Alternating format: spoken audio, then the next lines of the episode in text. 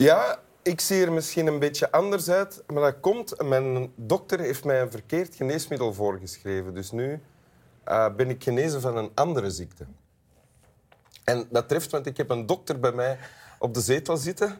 Welkom in Winteruur, uh, Piet Hoebeke. Goedenavond. U bent uroloog. Ja, klopt. En u bent uh, tevens decaan van de faculteit Geneeskunde en Gezondheidswetenschappen. Absoluut, ja. aan de Universiteit van Gent. Ja. En daar bent u ook werkzaam, in Ja. het Universitair Ziekenhuis, als, voornamelijk als uroloog. Als kinderuroloog en reconstructief uroloog. Ja, reconstructief uroloog. Dus u bent eh, een van die dokters die mensen van geslacht doen veranderen. Knutselen aan geslachtsorganen. Ja, klinkt leuk als Ja. je het zo zegt. Hè? En u hebt een tekst mee Ja, uit het boek Middlesex. Wil u de tekst voorlezen? absoluut.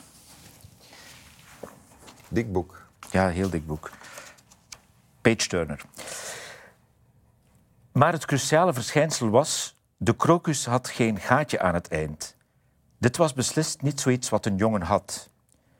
Denkt u zich mijn positie eens in, lezer. En stelt u zich dan de vraag tot wat voor conclusie over uw geslacht u was gekomen als, ik, als u had wat ik had. Als u eruit zag zoals ik eruit zag. Om te plassen moest ik gaan zitten. De stroom kwam ergens van onderaan. Binnenin was ik gebouwd als een meisje. Het was daarbinnen gevoelig. Het deed haast pijn als ik er een vinger in stak. Goed, mijn borst was zo plat als een dubbeltje, maar op school liepen wel meer van die strijkplanken rond. En Tessie beweerde altijd dat ik in dat opzicht op haar leek. Spieren. Niet om over haar huis te schrijven. Ook geen heupen, geen middel. Een bezemsteel van een meisje. Waarom had ik op de gedachte moeten komen dat ik iets anders was dan een meisje? Omdat ik op een meisje viel? Dat gebeurde de hele tijd. Oké. en dit komt uit dus Middlesex, boek uit 2000, denk ik. 2002 vertaald, ja. Ja. Eh, en kunnen we het begin van de tekst eens zien? Het cruciale verschijnsel was, de krokus had geen gaatje Ja. aan het eind. ja. De krokus? Zij schrijft over wat, zij, wat we de fallus noemen. Dus het orgaantje dat zowel clitoris als penis kan worden, noemt zij de crocus in het hele verhaal. Op het moment dat zij... Dus Cal wordt geboren als meisje, maar in de puberteit ontwikkelt alles zich nogal mannelijk bij haar. Zij weet van niks, zij ontdekt dat bij zichzelf en zij noemt dat de crocus. Ah, oké. Ze heeft een lesbische relatie en dan spreekt ze ook over haar krokus. Dan voelt ze dat die krokus harder wordt, dat die groter wordt. Maar stilaan begint zij te ontdekken dat, zij, dat het anders is. Dat zij als meisje helemaal anders gebouwd is. Omdat zij gewoon niet wist dat zij dat probleem had. Zij is een intersexe persoon bij geboorte. Maar ze wist het niet. Haar ouders wisten het misschien een beetje, hadden het haar nooit verteld. De dokters wisten het een beetje, hadden het nooit verteld. En dus die ontdekking is een vreselijke ontdekking. Want u zegt een intersexe persoon? Ja. Dat is... Dat is iemand die, eh, ja, je weet, qua geslacht heb je mannen en vrouwen, Dat weet ik, ja. maar er is alles tussenin mogelijk.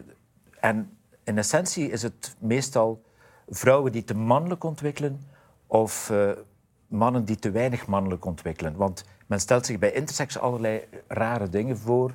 Eh, mensen die de beide geslachtsorganen hebben, dat is niet het geval. Het is gewoon een mannelijke onderontwikkeling of een vrouwelijke te mannelijke ontwikkeling. En dit is een vrouw met een te mannelijke ontwikkeling. Ja, dit is een. eh is om het nog ingewikkelder te maken, een 46XI-persoon, dus eigenlijk een biologisch of DNA-gewijze man, die hormonaal problemen heeft, zodat de mannelijke hormonen eigenlijk onvoldoende werken voor de geboorte en ze eigenlijk als vrouw geboren wordt. En dan bij de puberteit, door de hele hoge productie van hormonen, testosteron, Ja? komt die mannelijke ontwikkeling er toch wel door. Dat is een eh 5-alpha-reductase-deficiëntie, is één van de... Hebben honderden aandoeningen die dit kunnen veroorzaken. Ah ja, maar eh, wat, hier, wat zij hier beschrijft, Ja. het hoofdpersonage, herkent u. Hè? Ja, ik, ik heb eh, flink wat, heel wat patiënten die dit hebben. Ja. En dit, en dit is dan geschreven in de, in de periode, of dit gaat over de periode waarin ze dat ontdekt van ik ben eigenlijk of, geen, geen meisje of geen Ja. normaal meisje. Het hele boek is een familie-epos, want een van de kenmerken, dus haar ouders, zijn familie van elkaar. Zijn eigenlijk zelfs broer en zus. En deze aandoeningen komen veel meer voor bij wat we consanguiniteit noemen. Dus als je bloedbanden hebt met elkaar, Ja. dan is er kans dat je genetische kenmerken overheft veel groter. Eigenlijk. Ah ja. Maar er is een epos van mensen die in Smyrna, in Griekenland geboren zijn, dan migreren naar Detroit.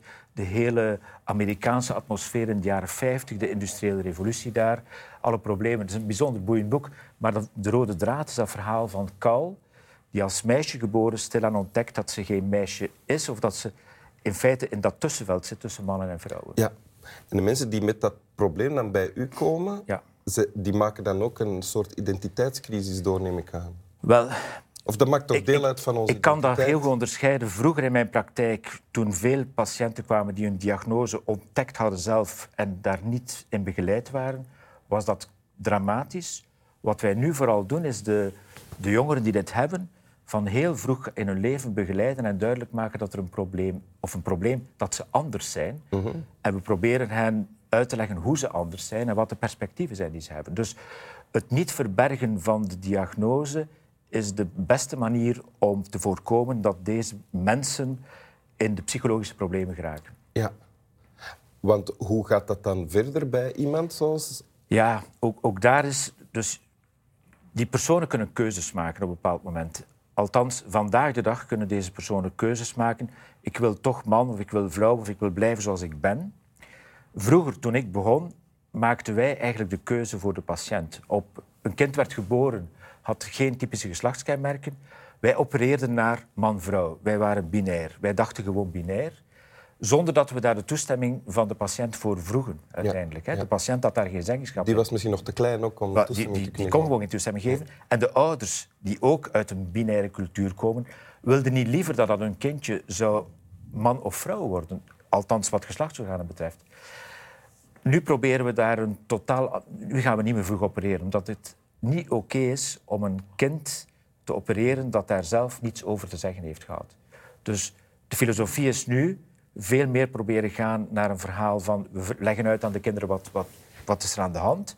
Wanneer jij zelf beslist welke leeftijd, 12, 13, 14, 15, 16 jaar, whatever, ik wil die kant uit, dan zullen we gaan opereren. Dat kunnen we wel doen. De frustratie van de patiënten die vroeger geopereerd zijn is dusdanig groot dat er heel veel activisten zijn die ons, kinderurologen, veroordelen om wat we gedaan hebben bij deze kinderen. En ik kan dat verhaal wel een beetje volgen. Ik pleit niet schuldig. De tijdsgeest was 30 jaar geleden anders dan vandaag. Ja? Maar vandaag doen we het anders. Waarmee echter niet alle problemen opgelost zijn. Ik ga een voorbeeld geven. Ik ik heb bijvoorbeeld nu een aantal mensen die ik volg. eh, biologische meisjes, 46xx, met een volledig normaal ontwikkeld piemeltje. Waarbij dat we zeggen, oké, je moet je meisje nu opvoeden met een piemel. Voor die ouders is dat een, een, een zeer moeilijke opdracht. Omdat Ja. de maatschappij daar ook niet klaar voor is. Nee? Terwijl de activisten zeggen, ja, je moet dit toelaten. Je moet toelaten dat, dat een individu kan met die piemel groot worden en dan op een leeftijd van 16, 17 jaar zeggen, oké, ik wil dat je daar nu een clitoris van maakt. Dan doen we dan. Maar het kan ook zijn dat ze ervoor kiezen om niet te kiezen tussen man of vrouw. Hè? En dan noemen we ze niet binair. Non-binair. Ja, ik, ik kan mij voorstellen dat zo'n individu kan kiezen om eh, als, als, zelfs als vrouw door het leven te gaan met een penis. Hè. Er zijn ook Ja. in, in de transgenderpopulatie she-males, dat zijn eh, mannen die een deel van het traject gedaan hebben, wel borstontwikkeling hebben, maar de piemel behouden. Ja. Dus wie zijn wij in godsnaam om te beslissen hoe iemand er moet uitzien? U bent natuurlijk door de aard van uw beroep daarmee geconfronteerd. Hè? Ja. En daardoor bent u zelf geëvolueerd, denk ik, in uw Oh, ik ben vreselijk geëvolueerd. En dat boek was, eh, was, was een keerpunt voor mij. Dus daarom heb ik dat boek ook... ook eh, dat, dat, ik, ik refereer heel veel naar dat boek. Omdat door in de persoon van Kou te stappen... ben ik eigenlijk meegaan in het verhaal van... oké, de ervaring van zoiets, wat, wat, wat hier beschreven is. Ja. Hè? Dus ik ervaar dat. En doe daar nu nog de diagnose bij. Zeg aan Kou wat ze heeft, leg haar uit wat ze heeft. Dan wordt dat een heel ander verhaal. Dus voor mij is dat... Dus ik ben inderdaad sterk geëvolueerd in mijn carrière daardoor. Eh, En evolueert de maatschappij mee met... met- De maatschappij gaat niet goed mee. Dat is wel een beetje het probleem. Hè. De maatschappij kan niet non-binair denken. Ik hoop dat dat wel komt. Ik denk dat social media, het feit dat non-binariteit nu op de bühne is en niet in de, in de verborgen hoekjes van, van huizen gebeurt, dat dat toch wel de opening zal maken maatschappelijk voor dat te aanvaarden. Je ziet dat met transgender, transseksualiteit wordt iets meer aanvaard. Homoseksualiteit wordt, we ons hopen, iets meer aanvaard. Alhoewel Polen recent heeft daar weer een eh, voorbeeld dat dat niet zo is. Ja. Maar ik denk dat we continu op de nagel moeten kloppen naar de maatschappij. We zijn niet, we zijn niet binair. Er bestaat ook non-binariteit. Oké, laat ons hopen dat dit dan ook een beetje helpt. Hè?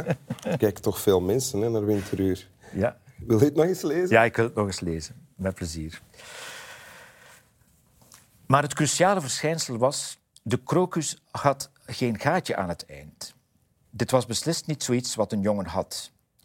Denkt u zich mijn positie eens in, lezer, en stelt u zich dan de vraag tot wat voor conclusie over uw geslacht u was gekomen als u had wat ik had, als u eruit zag zoals ik eruit zag. Om te plassen moest ik gaan zitten, de stroom kwam van ergens onderaan. Binnenin was ik gebouwd als een meisje. Het was daar binnen gevoelig, het deed haast pijn als ik er een vinger in stak. Goed, mijn borst was zo plat als een dubbeltje, maar op school liepen wel meer van die strijkplanken rond. En Tessie beweerde altijd dat ik in dat opzicht op haar leek. Spieren, niet om over naar huis te schrijven. Ook geen heupen, geen middel. Een bezemsteel van een meisje. Waarom had ik op de gedachte moeten komen dat ik iets anders was dan een meisje? Omdat ik op een meisje viel? Dat gebeurde de hele tijd. Dank u. My pleasure. Slap wel aan alle mannen en vrouwen en al wie daartussen zit. Perfect.